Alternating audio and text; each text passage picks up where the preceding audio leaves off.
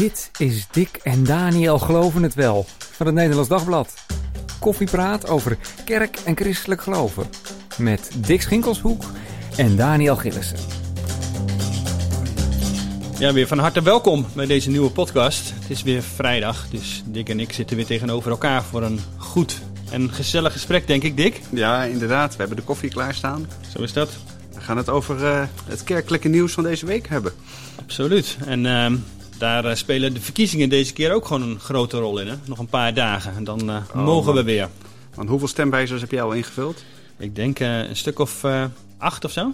Ik deel het met mijn kinderen in, in de appgroep. En zijn dat er zoveel? Ja, er zijn er echt heel veel. Ook ja. allemaal op, weer op bepaalde details. Tot en met de Arjen Lubach zijn ludieke stemwijzer. Waar, waar, waar kom je dan uit? Uh, ik zit wel een beetje aan de linkerkant, moet ik bekennen. Hmm. Echt? En, heel, ben je heel links? Nou, heel, ja, weet ik niet. Ik denk partijen als... Uh, zal ik zijn naam noemen? Tuurlijk, tuurlijk, tuurlijk. We zijn compleet open hier tegen elkaar. Het is onder ons, hè? Nee, maar partijen als uh, Volt en GroenLinks en uh, ChristenUnie en dergelijke scoren bij mij wel hoog. Ben je eruit al, wat je gaat doen? Zo goed als. Oké. Okay, maar nog niet helemaal 100%. Maar um, ja, dat denk ik wel, ja. Nou, daar ben je al verder dan ik. Ja ik. ja, ik heb altijd op dezelfde christelijke partij gestemd, eigenlijk tot, tot nu toe. En ik merk dat ik, nou, ik ben zwevender dan, uh, dan ooit. Ik merk vooral op het gebied van klimaat dat de, nou, de, de partij van, van mijn huis uit zeg maar, dat die, uh, die vind ik daar zo wazig en zo slapjes en zo, zo weinig, weinig urgent uh, op. Dat ik, ja. ik nou ja, ik kan me gewoon heel goed voorstellen dat ik, als ik straks in het hokje sta, denk ik, ik ga het gewoon een keer niet doen. Dus het kan, uh, er kan een, uh, een verandering komen in jouw stemgedrag deze 17 maart 2020. Ja, maar, maar wat dan wel? Kijk, ik vind mezelf helemaal niet zo ontzettend uh, links. Nou ja, behalve op het, op het gebied van, van klimaat misschien. Ik vind trouwens klimaat... Klimaat is eigenlijk niet links, hè? Maar Precies, het wordt wel... Het is nee, maar goed, links dat is het punt dus een beetje, ja. Dus daarom is dat links-rechts natuurlijk altijd wel wat, wel wat lastig. En zeker als je het uh, dat als thema inderdaad heel belangrijk vindt, wordt het misschien links uh, geframed. Ja, dat klopt. Nou, dan ben ik op dat punt maar, ben ik op dat punt maar links. Ja. Maar, uh, het sluit wel aan bij trouwens wat, on, wat uh, het onderzoek. We gaan het over, ook over het onderzoek hebben. Hè, wat wij als uh, Nederlands Dagblad samen met de EO hebben gedaan. onder kerkgaande christenen ja. en hun stemgedrag. Opvallende uitkomsten. En daar zitten wel een aantal interessante dingen inderdaad. En um, uh, je ziet natuurlijk ook dat daarin trouwens de kerkgangers zelf zeggen dat ze wat rechts zijn. Maar uiteindelijk blijken ze op een aantal thema's heel links te zijn. En daar is klimaat er ook wel eentje van. Er zit trouwens een onderscheid tussen protestanten en katholieken. Hè? Dat is, vond ik wel echt heel opvallend eigenlijk. Ja. Dat, uh, dat is natuurlijk van, van, van oorsprong al wel zo. Dat in de, uh, het CDA, hè, die grote samengestelde partij ooit heel grote samengestelde partij. Van, uh, Jij denkt nog aan de tijden van Lubbers, hè? Dat, aan de tijden van Lubbers. Dat, uh, de KVP was van ouds wat conservatief, wat rechtser ingesteld dan, dan zeker dan bijvoorbeeld uit de, de, de ARP. Ja. De, de partij van oudsher de, de geformeerden. Maar dat, dat je dat nu nog steeds merkt, eigenlijk, dat, is wel, dat vind ik wel op, uh, opvallend. Protestanten ja. zijn links.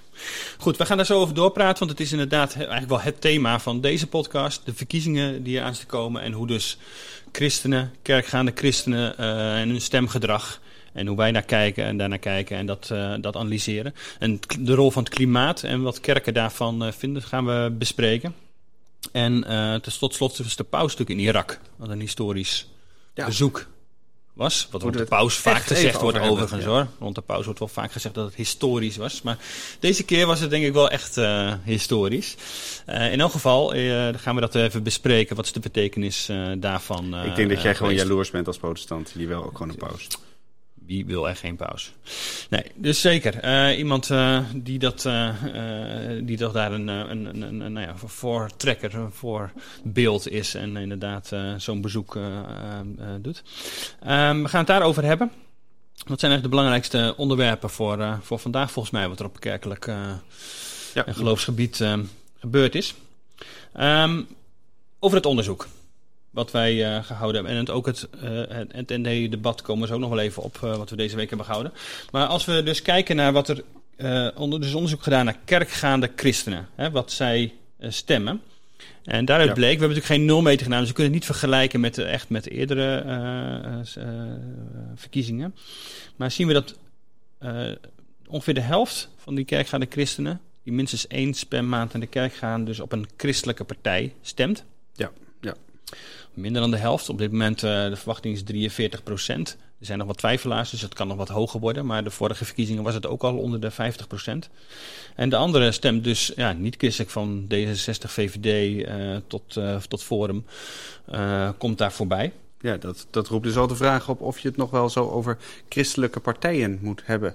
Als meer dan de helft van de, in ieder geval mensen die tamelijk actief christelijk is, stemt op een partij die, nou, die niet tot deze drie behoort. Voor hun in elk geval blijkbaar niet relevant. Dat in ieder geval niet als eerste relevant dan blijkbaar dat het is uh, dat je stemt voor een christelijke partij. Dat, dat weet ik niet. Ik denk dat ook mensen die niet op een christelijke partij stemmen, dat dat christelijke ontzettend relevant kunnen vinden. Maar ik denk wel dat het anders werkt dan, uh, dan vroeger. Kijk, vroeger was het natuurlijk hè, de, tijd die we dan meestal de tijd van de verzuiling noemen, was dat volstrekt helder. Uh, je wist gewoon, als je gereformeerd was, dan stemde je op de ARP. Was je hervormd, dan stemde je CAU. De, de katholieken hadden de KVP, hè, de, de de, de SGP, de, de, de vrijgemaakt hadden de GPV echt waar, er was gewoon voor elk wat, uh, wat wils op het kerkelijke erf. Ja. En, uh, en dat maakt het eigenlijk ook niet zo heel veel uit of, die, of je het nou in alles eens was met die partijen. Zo'n partij kon hogere belastingen misschien wel, uh, wel willen en, en jij wilde dat helemaal niet, maar dat maakte niet uit. Hè, want... Daar keek je eigenlijk niet naar. Nee, want dat christelijke, dat, dat ideologische, ja. precies, dat ging gewoon voor. Maar bij, dus bij, uh, bij jonge kiezers geldt dat dan nog, nog in mindere mate? We zien wij in elk geval wel uh, uit het onderzoek dat uh, onder de uh, kiezers onder de 35 jaar, dat na de ChristenUnie de D66 daar meest populaire partij is. Waarin zeker in de jaren 90 was dat onder, denk ik, kerkgaande christen nogal, de, nou ja, bijna de antichrist werd het ja, als partij. Zeggen, het Omdat dat de paas, ja. ja. precies. De, de, de, het kabinet was dat de paas, paas mogelijk maakte en dus zonder CDA regeren. Ja, ja, ik denk dat daar dus echt een paar dingen veranderd zijn. En dat je dat beeld nog scherper ziet bij de jongere kiezers dan bij de oudere kiezers. Maar dat je dat die ook al bij de oudere kiezers terugziet. Dat, dat christelijk is gewoon een van de aspecten geworden. Ja. Uh, een van de factoren die bepalen op welke partij jij jouw stem uitbrengt. En soms, dan zorgt dat ervoor dat je op een christelijke partij stemt. En soms zorgt dat ervoor, bijvoorbeeld omdat je uh, klimaat of sociale gerechtigheid bijvoorbeeld zo super belangrijk vindt dat dat voor jou de, de, de doorslag geeft, dat je op een andere partij stemt. Het is veel meer wikken en, en wegen geworden. Ja. Ja, wat interessant is, um, Segers, uh, de lijsttrekker van de ChristenUnie, uh, zei van er is eigenlijk één breekpunt hè, voor, uh, ja. voor hem uh, tijdens deze verkiezingen. En dat is de wet voor voltooid leven, waar met name D66 zich hard voor maakt. Dat mensen na hun 75ste de mogelijkheid hebben om ja, een einde aan hun leven te maken als ze dat willen, als ze het voltooid vinden. Dus los van de huidige euthanasiewet of daar eigenlijk bovenop. Uh, uh, Gert-Jan Segers heeft zich daar heel expliciet tegen uitgesproken. Bij ons in de krantenhal en ook uh, in het ND-debat van afgelopen dinsdag. De wetenschap dat ik nooit iedereen kan helpen. En maar uw achterban is... wil dat het humaner wordt dan het nu is. Dat Zeker, kan toch... en, dat, en dat zal ik, dat zal ik, daar zal ik echt met, met alles wat in mij zit, zal ik daarvoor knokken. Maar bij voltooid leven is het dood of leven. Is het zwart of wit. Komt die wet er wel of komt die wet er niet? Daar, daar zit geen middenweg. Dus dan kan ik niet zeggen, nou weet je wat, dat doen we een beetje, een beetje ergens. Dan D60 doet een stapje naar ons en wij doen een stapje naar hun. Dat is er niet. Die wet komt er wel of die wet komt er niet. Ben ik daar wel voor verantwoordelijk, voor invoering van die wet, of niet? En ik kan die verantwoordelijkheid voor invoering van die wet, kan ik niet dragen. Ja, wat ik, hier, wat ik wel heel stoer van hem vind, is dat hij gewoon zegt tegen de trend in uh, voltooid leven is voor ons een breekpunt. Uh, ik denk niet dat hij daar electoraal ontzettend mee, uh, mee wint. Dus in die, het is echt een principieel standpunt. Ja. Maar ik denk wel dat een heleboel, uh, uh, met name jongere christelijke kiezers zeggen, nou ja, ik weet niet of dat voor mij een breekpunt is. Ook misschien wel een beetje vanuit het gevoel van, ik, uh, het is misschien toch wel een gelopen race. Joh, die, die wet die gaat er toch gewoon komen. Niemand houdt ervan om bij de groep te horen die vooral met achterhoedegevechten bezig is. Mm. Ik denk ook dat de christelijke politiek wat dat betreft zijn imago ook een beetje tegen heeft. Ja, hè? van dat tegen tegen. Ja, de, de weerhoudende kracht. En vroeger was dat... Uh, uh, vonden mensen dat misschien echt heel, heel, erg, heel erg goed. Massa, vrij, vrij massaal in christelijke kring. Maar dat is, gewoon, dat is gewoon niet meer zo. Mensen vragen zich nu, en zeker jongeren, uh, vragen zich uh, veel sterker af. Ja, maar wat kunnen we nou positief bijdragen? Er is wat te doen in deze wereld. En welke partij gaat dat, gaat dat realiseren? Ja, in het verleden is natuurlijk het CDA wel kwalijk genomen dat ze mee hebben gewerkt aan die abortuswetgeving. Ja. Um, en, en, dus inderdaad voor die invoering ook daar mede verantwoordelijk voor zijn geweest. En Zegers doet hier eigenlijk zeggen, ik wil hier absoluut dan dus niet aan meewerken. Er is ook geen Nee. grijs, er is ook geen mogelijkheid om het eventueel af te zwakken, zegt hij. Ik doe absoluut niet mee. Daar maakt hij een breekpunt van. Maar hij maakt geen breekpunt inderdaad van bijvoorbeeld klimaat of vluchtelingenbeleid. Wat Ja, vluchtelingen, dat is natuurlijk heel interessant. Hij zegt van, nou, we hebben er tenminste nog 100. Eh, Ja, dat hij in het debat. Ja. Precies. We hebben nog 100 binnengehaald. Ja, misschien wel was 200, 500.000 was allemaal nog veel beter geweest. Maar eh, daar kun je nog over onderhandelen. Zeg maar. Wat mij dan opvalt persoonlijk is dat dat... eh, ik, ik dacht altijd dat was het, eh, het CDA-standpunt van ooit. Hè? Van de, compromissen, eh, meewerken ten goede. Maar dat, eh, nou, de, de ChristenUnie is daar ook, eh, is daar ook een meester in, eh, in geworden. Volgens mij maakt het nog steeds wel verschil op welke punten je een, van welke punten je een breekpunt verklaart en van welke punten niet. En dat laat toch iets zien van de, nou, de prioriteiten die je hebt als partij. Ja, want hier heeft hij het heel duidelijk gezegd. Ik bedoel, Rutte zegt heel duidelijk: ik wil niet met Geert Wilders om allerlei redenen samenwerken. Dus Precies, dat gaat ja. nooit gebeuren. Dus dat, dat zal dan ook niet gebeuren. Hier zegt Segers van dit is inderdaad een breekpunt voor mij. Dus dan kunnen ze misschien nog zo'n goed klimaatplan hebben of, of voor vluchtelingen heel goed zijn. Maar als er op een of andere reden dit dus ook in zit in het pakketje, dan doet hij niet mee. Eh, en de, de vraag is of dat inderdaad ook de jonge kiezers, wat je natuurlijk wel eh, ziet ook in ons onderzoek, eh, aanspreekt. Omdat voor hen merken we bijvoorbeeld klimaat veel sterker een thema is en relevanter is. Ja, ik had, eh, van, het, van het weekend had ik een eh, digitale borrel eh, met, een, met een vriend van mij. En ehm, die, zei van, die vroeg zich af, en dat, nou, eigenlijk gaf hij daarmee natuurlijk al het antwoord. Dan is het, is het christelijke gebod van dit moment, zeg maar, wel niet allereerst, niet zozeer om op een christelijke partij te stemmen, maar op een partij te stemmen die de beste plannen heeft voor, de, nou, voor, die, voor, die, voor die klimaatramp, zeg maar, die ons, die ons nadert. En moeten we nu niet gewoon zeggen, voltooid leven vinden we ontzettend belangrijk. Belastingvoordeel voor twee verdieners vinden we belangrijk. Zondagsrust, eh, bijzonder onderwijs. Noem het allemaal maar op. Maar dat verbleekt gewoon bij, nou ja, bij, wat, bij wat ons te wachten Ja. staat. Daar ja, moeten we nu over gaan. Als we daar niet, niks aan doen, dan eh, bedoel, staan we allemaal met onze voeten in de, in de nattigheid. En dan heeft het geen zin meer om over al die andere dingen daar te, te praten. Is het leven van ons allemaal voltooid, zeg maar. Ja, precies. En dat is natuurlijk wel het, eh, het interessante punt. En zeker voor de lange termijn. En je ziet dat het onder jongeren, ik zie bij mijn eigen dochter, eh, die nu voor het eerst mag stemmen. Oh, die mag voor het eerst. Ah. Precies, dus die is echt super aan het verdiepen in wat zij wil gaan stemmen. En dan zie ik dat, dat thema's als klimaat en onderwijs en gelijkheid, dat zijn wel de thema's waar zij op kiest. Ik heb dat ook tegen haar gezegd, want je, ziet door de boom het bos niet meer. Als je stemwijze invult, ben je ook niet altijd echt per se wijzer van. En er worden natuurlijk al die thema's krijgen een plek. Dus ja, je moet ook gewoon kiezen. Wat, wat vind je nou echt heel belangrijk? Waar wil jij je keuze eh, uiteindelijk op bepalen? En ehm, eh, nou, dat zijn wel de thema's die er voor haar eh, uitspringen, waar ze, op, eh, waar ze gaat, dus moet gaan kiezen. En ze weet het nu ook nog niet, wat de partij precies wordt, maar dat, dat is relevanter voor haar. ja. Maar als ze bij een, nou, bij een niet-conventionele, een niet-christelijke partij zou uitkomen, zou jij dat, zou je Die, dat kans erg is, die kans is heel groot. Die kans is heel groot. En wat voel, wat voel jij daarbij? Ehm, Vind je dat lastig als ouder? Ja, ik weet het niet. Ik, eh, misschien zit ik daar ook wel. eh, ik heb zelf ook eh, christelijk, doorgaans christelijk gestemd. En vind dat ook wel heel belangrijk. En tegelijk voel ik wel met haar mee dat thema's als klimaat, bijvoorbeeld dan nu, misschien wel veel relevanter nog zijn. En dan zie je bijvoorbeeld dat, dan weer even over een ChristenUnie daar ook, ook echt wel een thema van maakt, maar tegelijk zich minder op profileert. Als je het ziet wat voor een verkiezingsprogramma ze hebben, is dat eh, ook wel ambitieus op dat eh, terrein. Maar eh, ze, ze tamboureren er minder op.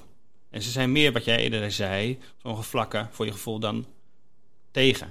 En dat spreekt haar dus helemaal zoiets niet aan. Dat komt dan daardoor niet in beeld. Dus ook al is dat een beeld, misschien een imago, iets dat helemaal niet, niet klopt in de werkelijkheid. Nee, nee.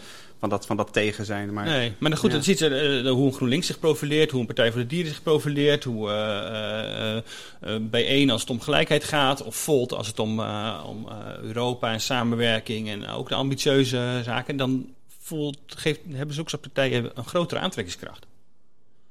En dat is wel relevant. Ja, je ziet natuurlijk ook dat de kerken daar nu meer een thema van maken. Hè? Van, Dus dat- van klimaat, ja. Ja, dus eh, de- deze week, ik pak het er even bij. Ehm, de krant pak ik er even bij. Eh, dat religieuze leiders ook zeggen van eh, klimaat telt in het stemhokje. Dus kerken maar ook andere religieuze stromingen hebben daar nu een punt van gemaakt. Met elkaar ook een manifest opgesteld, wat we ook hebben afgedrukt in de, in de krant. Maar dat we het ook relevant vinden dat mensen weten van hé, hey, hoe wordt dat dit gestimuleerd zeg maar, door, door kerken. En, ehm, en die zeggen ja, je moet ook, um, even citeren, gewetensvolle en ook pijnlijke keuzes durven maken als het gaat om het klimaat. Dat is wat zij bepleiten. Dus niet alleen maar van even nu kijken van wat willen wij nu en wat is goed nu voor ons.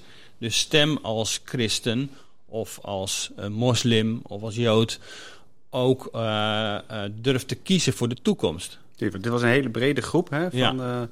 Van kerkelijke leiders, variërend van, van Missie Nederland tot met wat is het, de Marokkaanse en ook Joodse ja. religieuze leiders. Uh, ik vind dat wel opvallend hoor, op zich. Dat dat, uh, dat dat nu zo duidelijk gebeurt. Zeker ook uit die, uh, uit die hoek. Kijk, het is ook altijd ontzettend lastig geweest. ja, moet kerk zich erover uitspreken? Ja, hè? Was dat precies, de kwestie natuurlijk. Die vraag. Nee, gaat, het, gaat de kerk niet gewoon over het evangelie? Over, over jouw ziel en de nieuwe hemel en de nieuwe aarde? Want zo individueel willen we dat allemaal ook niet meer zien. Nee. Maar gaat de kerk ook over politieke zaken? En wordt dat niet heel snel heel vaag en heel... Nee, ik bedoel vervagend en lopen dan niet heel snel dingen door elkaar. Krijg je ook niet dat uh, als de kerk zich uitspreekt, dat het dan een soort. Uh, dat het ook altijd ergens iets namens God uh, is. volgens mij kun je zeggen dat, dat eigenlijk in protestantse kring althans eh, zo ongeveer in de Tweede Wereldoorlog is ontstaan. Toen begonnen kerken, met name de hervormde kerken en ook de gereformeerde kerken, die begonnen zich uh, wel af te vragen, ja, moeten we nu niet iets zeggen? Hè? Alle maatschappelijke mm -hmm. organisaties waren monddood gemaakt, waren uitgeschakeld. De kerken uh, waren de enige die daar ook nog wat uh, ja, voor in te brengen hadden. Precies, en die konden toen, die hebben toen door middel van kanselboodschappen en zo, het uitspraken gedaan tegen de maatregelen van de, van de bezetter. De hervormde kerk ja. is daar na de, na de oorlog mee doorgegaan. Hè, onder invloed van wat ze dan de, de apostolaatstheologie noemen. Uh, profetisch blijven spreken in de samenleving. Ja, ja. De gereformeerden waren er altijd wel terughoudend dus niet alleen uh, bekeert u, zal ik maar zeggen? Nee, maar, zie, maar, maar, maar, dit is goed. Hè. De, het was de tijd van de Koude Oorlog kwam, kwam op. Allemaal medisch-ethische vragen. En de, met name de hervormde kerk. Nou, dat was nog weer, was nog later, weer, ja, nog iets later. Jaren, begin jaren tachtig zitten we dan. Ja. Uh, de, de, hebben dat altijd lastiger gevonden. Die, uh, die hadden veel meer een soort taakverdeling onderling in hun zeil. Je, je had gewoon de gereformeerde maatschappelijke organisaties, die hielden zich daarmee bezig. De gereformeerden hadden een politieke partij, de ARP. Die moest zich met politiek bezighouden. En de kerk hield zich weer met, met, met haar eigen taken bezig. Even heel ge, gechargeerd gezegd. Uh, dat heeft wel heel, heel veel uh, gedoe opgeleverd. Je noemde net de kruisraketten. Hè? Dus in 1983 een enorme manifestatie op de Dam geweest. Half miljoen mensen. Ja. Misschien kun jij het je herinneren. Ik niet meer. Ik was nog net iets te jong. Nee, ik was vijf. Dus dat, uh, nee. Maar dat zorgde er wel voor dat, je, dat, het, dat het voor enorme verdeeldheid... Dat, dat leidde tot, tot, tot enorme ja. verdeeldheid. Dat aan de ene kant had je het CDA. Hè? Het CDA gaf geen krimp. Uh, uh, gaf, uh, gaf niet toe aan de wens van onder meer het IKV en, mm -hmm. en zeg maar linkse Faber, christenen. de druk mee was. Ja. Precies. Precies. die zeiden, die kruisraketten die moeten, die, die moeten Nederland uit, die moeten de wereld uit. rechtse christenen zeiden, en ook het CDA, Kijk, hele jonge CDA zijn nog van ja, dat, dat kan niet. Hè. het was zo'n gevleugelde uitspraak, liever een, liever een raket in de tuin dan een rus in de keuken. Tekeningetje erbij, ja dat heeft ook wel laten zien, denk ik, dat politiek spreken van kerken voor enorme verdeeldheid kan zorgen. En ook voor een heleboel uh, ellende. Het maakt het trouwens nog wel even verschil dat, het, uh, dat de kerk zich uh, in een um, soort boodschap, nou ja, tegenwoordig een persbericht, een, een, een, een tweet, weet ik veel wat, uitspreekt. Of dat het op de kansel gebeurt. Dus op de preekstoel zelf tijdens de kerkdienst. Ja, Want dat gebeurde natuurlijk dienst, ook. Ja. En daar was natuurlijk ook wel juist kritiek op. Dat het in de kerk dan niet meer ging over het evangelie en, uh, en uh, wat dat betekent voor ons leven en dat wij ons moeten bekeren. Maar dat het ging over de maatschappelijke thema's en dus niet meer over je persoonlijk hel en de opdracht die je uh, hebt in dit leven. Ja, ik vind het een lastig onderscheid. Kijk, er zijn nog wel, er zijn wel kerken waar dan bijvoorbeeld het Wilhelmus wordt gezongen. Uh, als je dan toevallig op, ja. uh, als zondag op, uh, op 5 mei valt of zo, of op 27 april. Als ik voorga, heb ik zelf altijd de gewoonte om dan in elk geval naast de kansel te gaan staan. Of naast het liturgisch ja, centrum. Ik doe dat tamelijk the theatraal. Ik vind dat, dat soort dingen moet je gewoon van elkaar scheiden. scheiden. maar het onderscheid dat jij noemt, dat vind ik wel kunstmatig. Want dat, betekent, dat zou ook betekenen dat je in een preek bijvoorbeeld... daar geen, geen aandacht aan zou kunnen schenken. Dat je dan, uh, ja, uh, lieve gemeente, wacht u maar weer tot maandag, uh, totdat ik weer aan het, aan het twitteren of aan het, of aan het bloggen ben. Ja, dat, dat, dat lijkt me een beetje...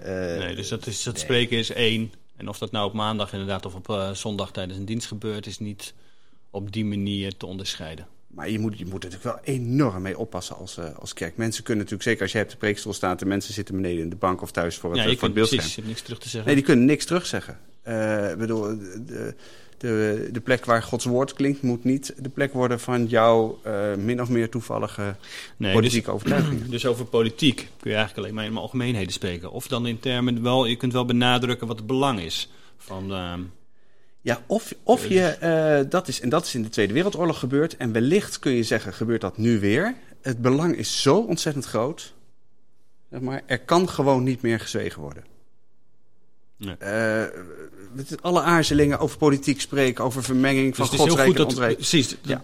dat, dat nu kerken en met andere religieuze organisaties zich duidelijk uitspreken dat klimaat, ja. dat is heel relevant. Daar hebben we uh, een, uh, een, een, Dat moeten we echt laten meewegen nu in ons stemgedrag. Ja, ja. Dat betekent dus wel dat, automatisch een beetje de, de, nou ja, de linkse kant op voor het idee. Wij zeiden net inderdaad van het klimaat is niet links, het is overal wel relevant. Maar tegelijk uh, een SGP, een VVD enzovoort uh, aan die wat rechtere kant maken zich daar toch minder druk om. Dus zeggen wat het Parijsakkoord moeten we nakomen. Maar ja, hoe precies en of dat inderdaad betekent dat we zo moeten afremmen, dat is even de vraag. Terwijl links maakt daar natuurlijk wel uiteindelijk, de linker, linkse partijen maken daar veel meer een punt van. Ja, ja, ja helaas wat mij betreft. Maar ik, ja. ik denk dat je in dit geval gelijk hebt, ja. Als het om klimaat gaat, dan...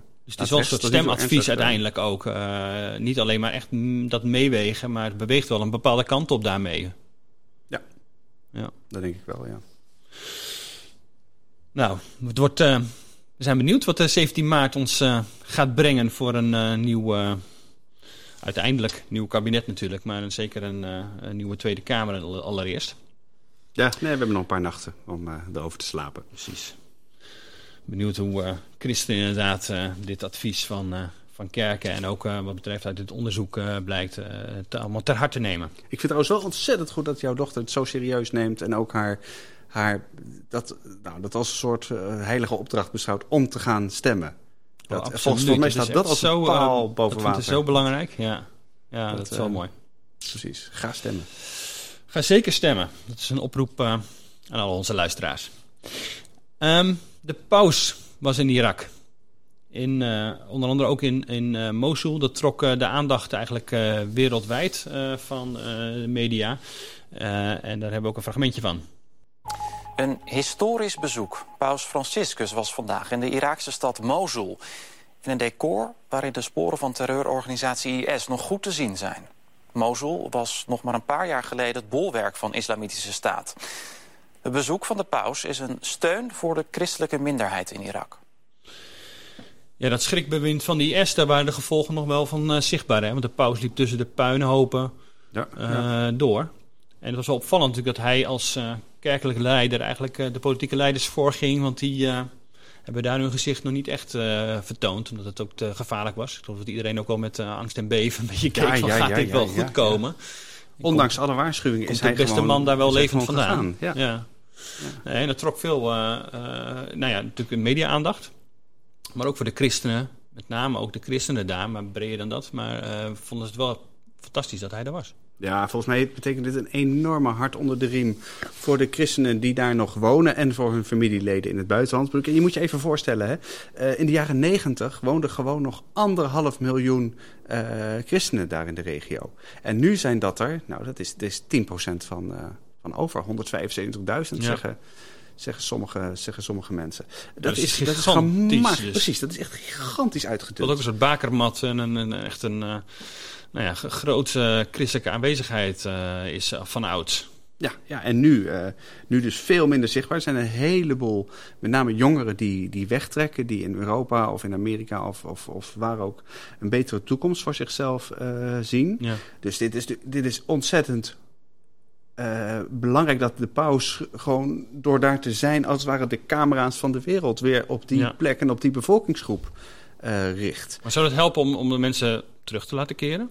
Ja, dat, dat weet ik niet. het, het, levert hoop, het zorgt voor een, een positieve uh, het heeft absoluut een positieve invloed, denk ik, ook voor de mensen daar ter plekke. Het is ook altijd even afwachten of dat politiek ook gevolgen gaat hebben. Maar of dat het wegtrekken van christenen uit die regio gaat tegengaan, ik vraag het me ontzettend af. En dat zou wel echt wel ontzettend, ontzettend naar zijn hoor. Dat, dat een kerk die zo oud is, nou, dat wij misschien nog gaan meemaken dat die, uh, dat die daar verdwijnt. Ja. Ja, de vrouw die bij mij eh, in huis uh, helpt en schoonmaakt, die was ook, uh, deelde zeer enthousiast. Ook plaatjes en video's van het pausbezoek. Ze komt zelf uit, uit Irak en zegt al 10, 15 jaar daar, daar weg. Maar het maakte haar echt enorm blij. Dus blijkbaar zet het ook mensen die buiten Irak wonen, christenen uit Irak, die buiten Irak wonen, worden er heel enthousiast van en blij van. Ja, we worden gezien hè? ja. ja. En dat is dus ook wel wat het effect dan dus met name is. Want uiteindelijk is het vooral symbolisch daarmee. Ja, dat is eigenlijk alles wat de paus doet natuurlijk. Dat heeft een belangrijke symbolische werking en een symbolische waarde. Maar goed, maar ook, ook symbolen hebben op den duur uitwerking. Daar, mm daar kun je ook wel weer van uitgaan. Ja. De paus uh, zocht, zoekt altijd de verbinding. Hè? Het interreligieuze is voor hem heel ja. belangrijk. Zocht ook echt een nadrukkelijk contact met de moslims in, in Irak en ook de, de verbinding met, met hen. Hoe duid jij dat? Ja, uh, daar, is, uh, daar is altijd rond de paus op dat punt wel een beetje discussie. Dat, was, uh, dat is eigenlijk al sinds zijn, zijn, zijn aantreden zo. De paus noemde vrij nadrukkelijk de moslims broeders. Ja. Nou, waarop mensen, protestanten, maar ook, ook wel katholieken, zeggen... ja, maar kan dat wel? Hè? Kun je iemand van, van zo'n ander geloof, hè, van, de, van de islam, kun je die, kun je die broeder noemen? Zijn er niet, uh, ver, verwar je dan niks, zeg maar? Eh, mhm. is, dan, is dat een, een, een, moslim ook een broeder in Christus? Hoe zit dat? Uh, daar heeft, vind ik, onze uh, Vaticaanwatcher Hendro Munsterman een ontzettend goed stuk over geschreven. Staat morgen in de krant. waarin hij laat zien dat als de paus het over broeders heeft, dat hij, dan, nou, dat hij op zijn minst al wel drie verschillende soorten broederschap ja, ja. bedoelt. dat we natuurlijk allemaal, we zijn allemaal broeders en zusters, zeg maar gewoon het enkele feit dat we, dat we mensen zijn. We zijn eh, broeders van, uh, van, van moslims als christenen, omdat we, uh, we, een soort gemeenschappelijke uh, geloofsmatige voorvader, mm -hmm. Abraham, hè, de drie Precies. Abrahamitische religies, jodendom, christendom ja. en islam. maar dat is nog weer iets anders dan zeggen, nee, maar jij bent ook een broeder in Christus. Ja. Zeg maar, dat, en dat wil ook helemaal niet zeggen dat als je tegen iemand zegt... ja, maar je bent geen broeder in Christus van mij... dat je dus geen broeder van mij nee, kunt precies. zijn. Dus hij probeert er ook wel verbindend, verbindende woorden in te kiezen. Maar dat betekent niet altijd dat het op de manier is zoals broeders en zusters soms wel eens van, uh, door, een, door een predikant uh, wordt ja. uh, gezegd in de kerk. Dat, en dat gaat dan over de, de broeders en zusters in Christus. Dus dat is echt dat, iets dat heel, is wat bedoelt. Nee, we staan samen voor grote, ja. grote uitdagingen als, als religies. En laten we die gewoon samen, samen oppakken. Want het feit, er is gewoon het feit, er zijn een heleboel moslims, er zijn een heleboel christenen. Ja. En die leven op heel veel plekken in de wereld met elkaar. En die zullen ook met elkaar moeten samenleven. Dit doet me ook wel denken aan uh, bijvoorbeeld zo'n bisschop Desmond Tutu, die natuurlijk ook altijd dat, deze uitstaan, die verbindende uitstraling heeft. Hè. En die zit ook wel heel erg op de lijn natuurlijk van wij kinderen van God. Uh, dus in een hele brede zin. Ja, jij las zijn kinderbijbel, heb ik een paar... Precies, daar uh, hebben we een paar podcasts geleden het inderdaad over, uh, over, over gehad. Maar, uh, Toeto ja. is een soort held voor jou. Maar dat, nee. precies, dat is, je, je zult het met elkaar moeten, moeten rooien. Of je, ja. het nou, of je het nou wilt of niet. Ja, dus in zo'n land precies. Dan is die verbinding natuurlijk juist wel heel belangrijk. Ja. En juist ook duidelijk de veiligheid benadrukken. Zeker na zo'n schrikbewind wat de IS daar natuurlijk heeft... heeft ja, ja, in die zin vond ik dat wel heel heel, heel bijzonder bezoek. En ook wel ja. behoorlijk dapper dus dat hij gewoon gegaan is, ondanks alle waarschuwingen vooraf. Mooi. Er is een uh, heel oud stukje Bijbel gevonden. Misschien wel het oudste stukje Bijbel ooit, heb nou, ik begrepen. Het is niet helemaal gevonden. Uh, ja, het is, het, is ooit, ooit, het is in de 19e eeuw opgedoken en daarna ook weer uh, verdwenen. Dat, uh, dat gaat om de, om de zogeheten Shapira-fragmentjes. Dat zijn 15 fragmenten van een, die ooit bij elkaar aan een rol hebben gezeten. Een boekrol van het, van het Bijbelboek Deuteronomium. En daarvan is heel lang aangenomen dat het een vervalsing was. En nu is er een, nu is er een meneer, uit, een wetenschapper uit, uit, uit Potsdam, uit Duitsland, die zegt: nee, dit is, dit is toch echt. Want de, de, de, die Deuteronomium-tekst die wijkt, die wijkt op een aantal punten af van de versie van Deuteronomium, een Bijbelboek zoals wij die Mhm. kennen. Bijvoorbeeld de, de, de, de tien geboden, hè? die beginnen daar met in de, eh, in de ik-vorm, waarin God het volk toespreekt. Mhm. Nou, dat, dat, dat, dat kennen wij zo niet meer. Dat staat niet meer in ons Bijbeltje in eh, Deuteronomium 5. Eh, en, en deze meneer Dershowitz die zegt: het is daardoor een oudere versie. Helaas zijn die oorspronkelijke fragmentjes dus kwijtgeraakt. Hmm. Hè? Want we dachten, ja, de vervalsing in de 19e eeuw. Dus die, die, ermee. ja, die zijn, precies, die zijn verdwenen. Eh, maar er zijn tekeningen van en ook een aantal foto's. Eh, en, en hij zegt van, waarschijnlijk is dit geen vervalsing. Dit is een veel oudere versie. Nog van voor de Babylonische ballingschap. Van voor de verwoesting van Jeruzalem door eh, koning Nebukadnezar. Eh, en daarmee eh, wellicht het oudste stukje Bijbel dat we hebben. Wordt overigens van alle kanten inmiddels wordt hij er steun tegengesproken. voor of niet? Ligt hij onder kritiek. Maar eh, het is wel ontzettend interessant. En het voelt dat je zo dicht bij de, de Bijbelse teksten komt. Wellicht, als het ware Mooi. is. Onze tijd zit erop. Wij gaan eh, afsluiten. Het wordt een eh, spannende week, zoals we al zeiden, voor de verkiezingen. Volg ook op nd.nl en op verkiezingensite.nl alles rond de verkiezingen van 17 maart. Wijsheid bij het stemmen. Dus ga stemmen. Zeker stemmen. Eh, nou, wil, wil je reageren? Doe dat. Mail naar geloof.nd.nl. Deel eh, ook dit op eh, sociale media. Bedankt Harm weer voor alle technische ondersteuning. En tot de volgende keer.